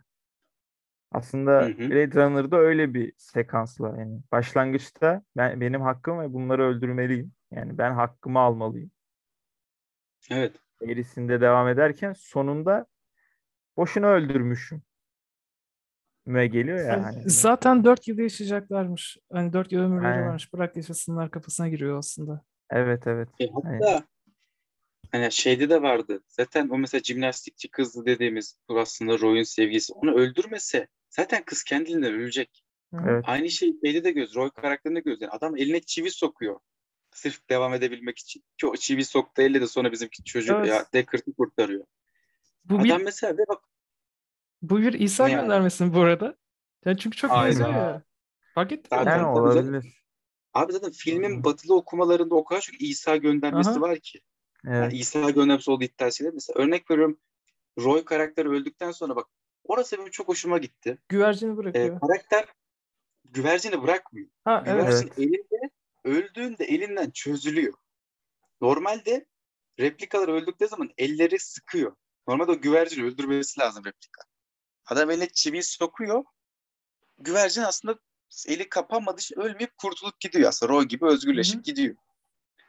Mesela bak bu da çok güzel bir şey olarak. Hani gö- gönderme demeyeyim de fikir olarak da bunu yapması bile 82 yılı için. Çok iyi bir şey. Ya bugün için düşününce bu film abi kaç yıllık oluyor? Ee, 40, 40 yıldan 40 fazla ya. yaptı değil mi? 40 yıl oldu. Olacak 40. daha yılında doğrusu.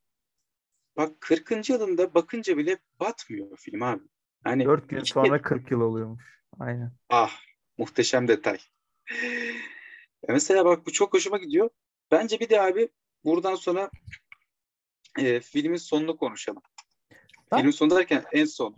Tamam. Deckard'ın alüminyum atı bulduğu kısım. Ben o zaman Evet. şundan bahsetmek istiyorum. Filmin başında şöyle bir şey diyordu. Ee, işte Tyrell'le Deckard konuştukları zaman biz bu replikantlara bazı anılar yüklüyoruz. İşte Hı hı. anılar üzerinden e, yüklediğimiz anılarla birlikte hani böyle daha bir duygusallaşıyorlar, insan tepkisi veriyorlar. Aynen. Ve yani e, kim olduklarını anlıyorlar gibi bir şey diyordu. Evet. Şurası çok güzel. Deckard rüyasında durmadan unicorn görüyor. Yani boynuzlu at görüyor. Hı hı. Ve filmin sonunda da yerde giderken bu işte um, Gaff karakterinin yaptığı unicorn origami'yi buluyor. Hani aslında Evet. resmen şey diyor. Biz senin hayallerini bile biliyoruz hani. Kafanın içindeyiz gibi. Senin hayallerini biz yükledik. Biz yükledik. Yani evet. öldürülen çok karakterin yanına alüminyum yapma sebebi de onların hayallerini bildiği için o karakterin. Aynen. Mesela Aynen. e, bu işte ilk baştaki bir tane bir robot var, e, şey e, replikant vardı hani bu sorguya giren. Evet. Onun otel odasına girdikleri zaman işte Gaff karakteri insan bir origami yapıyordu. Yani insandan bir origami yapıyordu. Evet. Ve, e, Anne aslında. anne aslında annem bilemeyeceğim bak şuna şuna bağlayacağım ki o karakterin de en çok önemsediği şey e, fotoğraflardı. Yani fotoğraflardaki insanlardı hani. Evet. Ben onun annesi olduğunu düşünmüştüm. Mesela bak o kadar bak film iki saat boyunca gizli gizli Deckard'da bir replika mı diye anlatıyor anlatıyor. En sonunda alüminyum bulduruyor ama Deckard replika diyemiyoruz. Hı hı. Çünkü replikalık hakkında o kadar uzun süre sana bir şey gösteriyor ya abi. Hani ya sen diyorsun Roy replika diyorsun. Adam orada korkuyla yaşamak böyleymiş anladın mı diyor. Korkuyla yaşamayı öğretiyor ona. Ya aslında Bizimki- filmin içinde bir öğreti yaratıyor. Aslında bunu Evet. son son olarak bu öğreti sistemini e, Joker filmi yaptı.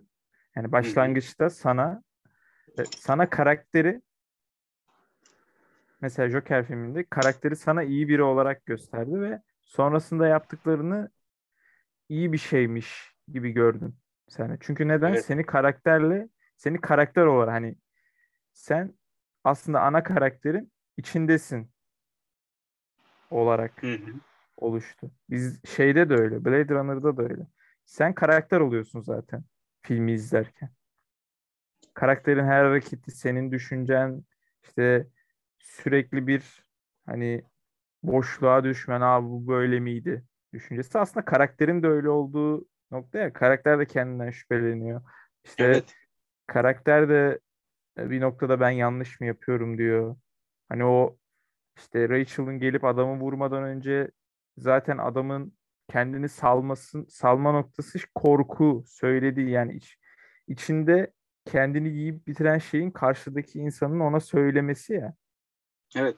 Doğru söylüyor. O zaman ben böyleyim. Hani böyle olması gerekmiyormuş. Ben bırakabilirim kendimi artık. Hani bu yaptığım yanlışa geliyor bir noktada. Ama kadın onu yani Rachel elemanı öldürdükten sonra işte geldiğinde eve geldiğinde ise bu şeyden çıkıyor. Bu noktadan çıkıyor ve tekrar diyor ki hani kız Rachel direkt şey soruyor ya işte e, ben başka bir yere gitseydim ne yapardın? İşte sen benim hayatımı kurtardın ama seni de biri takip ederdi diyor ya. Evet.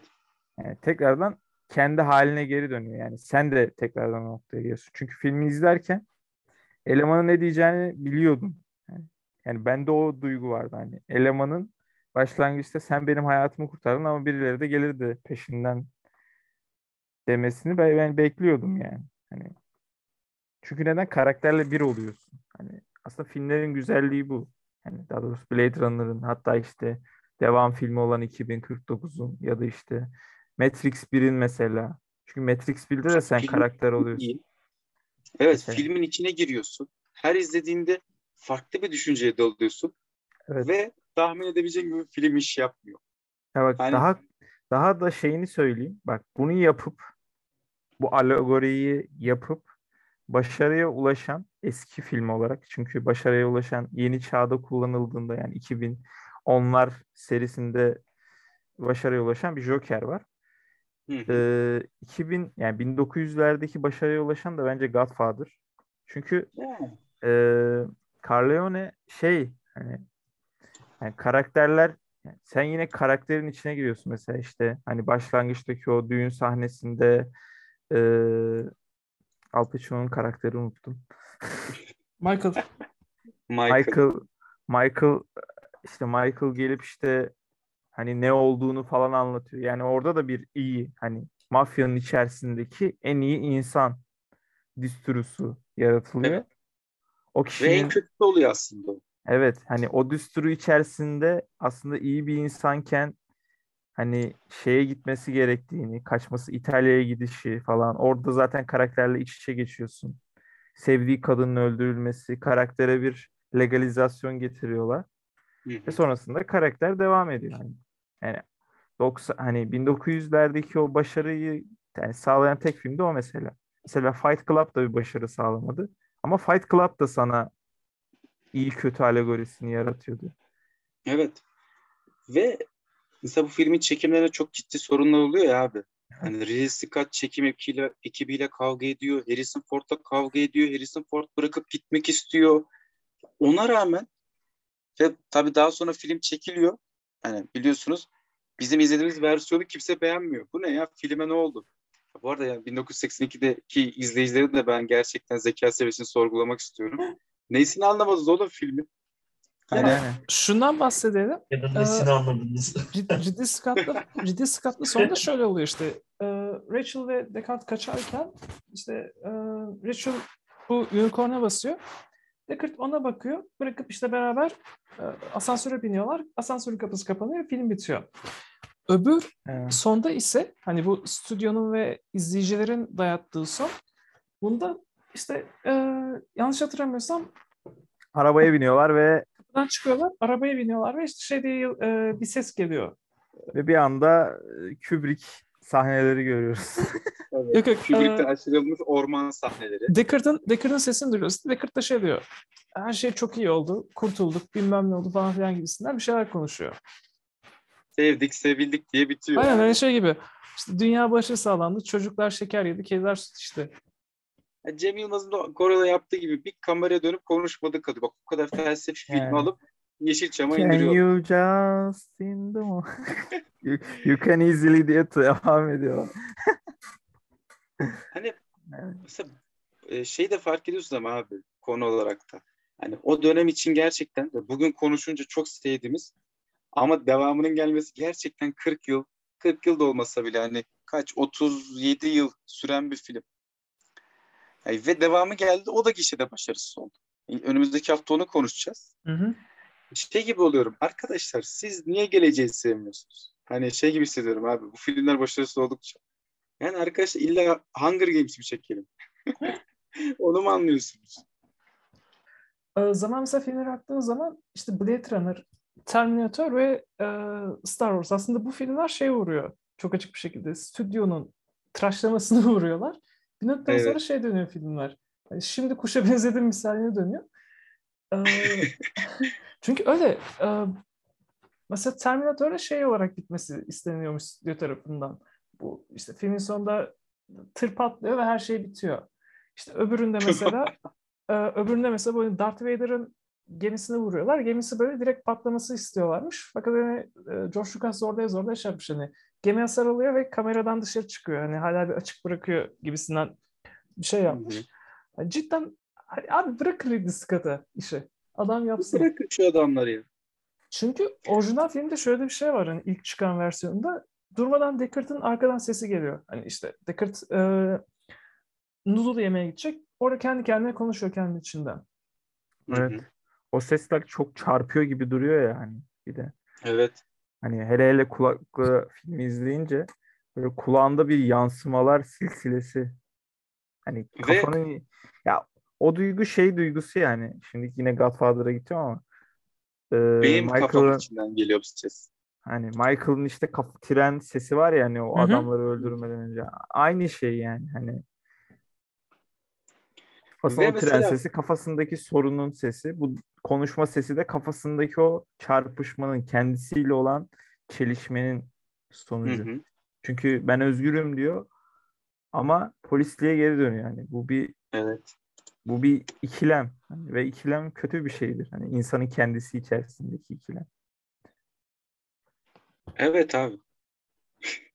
Başka eklediğin bir şey var mı? Ben yoksa filmi biraz daha şey diyor hocam. Abi plastik makyajı ne güzel yapmışlar falan. Pardon efektleri. abi abi biz övdük de geldik Ama bir şey soracağım bak hani e, şu an günümüzde çıkan bazı CGI, yani full CGI filmlere göre yani güzel duruyor ya. Abi Evet, bir evet. tek gemilerin uçma sahnesi var ya ilk Aha. saat çekildi. Onu böyle iple yukarı çekiyorlar ya belli Evet. böyle hafif sallanıyor gemiler fark ettiniz mi? Şey O veriyorlar ya bir de. O türbülans türbülans. İp tam görünmesin diye de duman atıyorlar ya hani. Ya o Ama ama bence şey zulümdür yani. Filmin çekimleri Zulüm sırasında o. bulunmak. Durmadan böyle duman veriliyor. Hani kapkaranlık, abi ıslak. sürekli yağmur yağıyor ya. Ve Harrison Ford set boyunca hastaymış biliyor musun? Evet, Sürekli evet. ıslandı. Hani belki Ya o yüzden baba, belki o yüzden donuk oynuyor böyle. Tabii böyle ya böyle bir siktir edin gideyim falan mı? Şey ekleyecektim bir de. Ee, hiç fark etmiyor musun? Filmde abi bir üçgen bina fetişi vardı ya. Evet. Hani işte bu Tyrell'lerin merkez bina üçgen. Hı hı. Ve ben kendi kendime şey düşündüm. Piramit Abi, mi? Ya piramit zaten de. Ya baba diyorum hani ne kadar teknoloji gelişse gelişsin niye üçgen bina yapıyorsunuz? Ya çünkü üçgen Hocam, aydınlatması bence- zor şu bu ya. Bence şeyden Hocam dolayı, Pisagor, Pisagor dolayı hocam. Hocam şey Pisagor şey- ben bundan sonra bir şey araştırdım abi. Üçgen bina niye popüler değil diye. Tam bir kültür ve mimari fetişi olarak. Abi bir coğrafyada üçgen yapılı binaların olabilmesi için bizdeki dikdörtgen apartmanlar niye dikdörtgen abi? Dört yandan güneş alabilmesi için. Evet. Binanın üçgen olursa abi yani güneş etkeni devre dışı kalması için yapılırmış. Yani örnek Hmm. veriyorum ya hiç güneşin olmadığı yerlerde örnek veriyorum gökyüzünün hep yağmurlu olduğu bir evrende ya da güneşin çok olduğu ve güneşin girmesi istemediğin atıyorum Sümer ziguratları gibi yerlerde Mısır üçgen yapı olabilirim. Evet. Hani şey düşünsene bir gün üçgen pire- üçgen apartmanda oturur muyum diye imkansız abi. En azından hala güneşin olduğu şu evrende. Bu da böyle bir kültürel bilgidir hocam. O zaman e, film muhabbetimizi burada bitirelim. Elveda diyelim ve Önümüzdeki hafta sö- izleyeceğimiz şeyi de söyle istersen Emre. önümüzdeki Sürpriz olsun. haftada önümüzdeki haftada Serden geçti 2049. Hocam, hocam Literally Me abimizi Aynen. izleyeceğiz. Blade, Blade Runner 2049. beyler herkes kürklü ceketini ve Anne de Akrepli. Armas hologram hologram paketlerini almayı unutmasın. Aynen. Ee, Ee, ve ilaçlarını içmeyi. Yaşları içmeyi bir Hocam. de akrepli ceket. Hocam Tabii, hocam haftaya hocam haftaya bir Anada Elmas güzellemesi. Tamam hadi sa- program, programın yarısını sana bırakacağız yani böyle. Yarım saat güzeldi. Yok o kadar güzelleyemem. Ya 29 dakika güzellersin ha. Anada Elmas kaç yaşındaymış? Dur bakayım ona göre güzelleriz. Ana. Hocam 34 dakika güzellerim. Tamam. Fucking, fucking 34 dakika. Ali gitti mi bu arada? Ali öldü herhalde. Evet ölmüş. Uyuya mı kaldı lan? Uyuya kaldı herhalde. Neyse. Neyse biz onu biz onu hologramla yerine koyarız. Aynen. Ali burada Ali burada replikaları temsil ediyor abi. Evet. o zaman Ee, görüşmek üzere. kendinize iyi bakın. Sınavlar bittiğine göre biz de rahat rahat çekeriz bunları. Ha, bundan Evet, sonra her hafta gelir. bundan sonra düzenli bir şekilde e, yapmaya çalışacağız bu programı. Okey. İyi, iyi dinlemeler İyi hepinize. dinlemeler.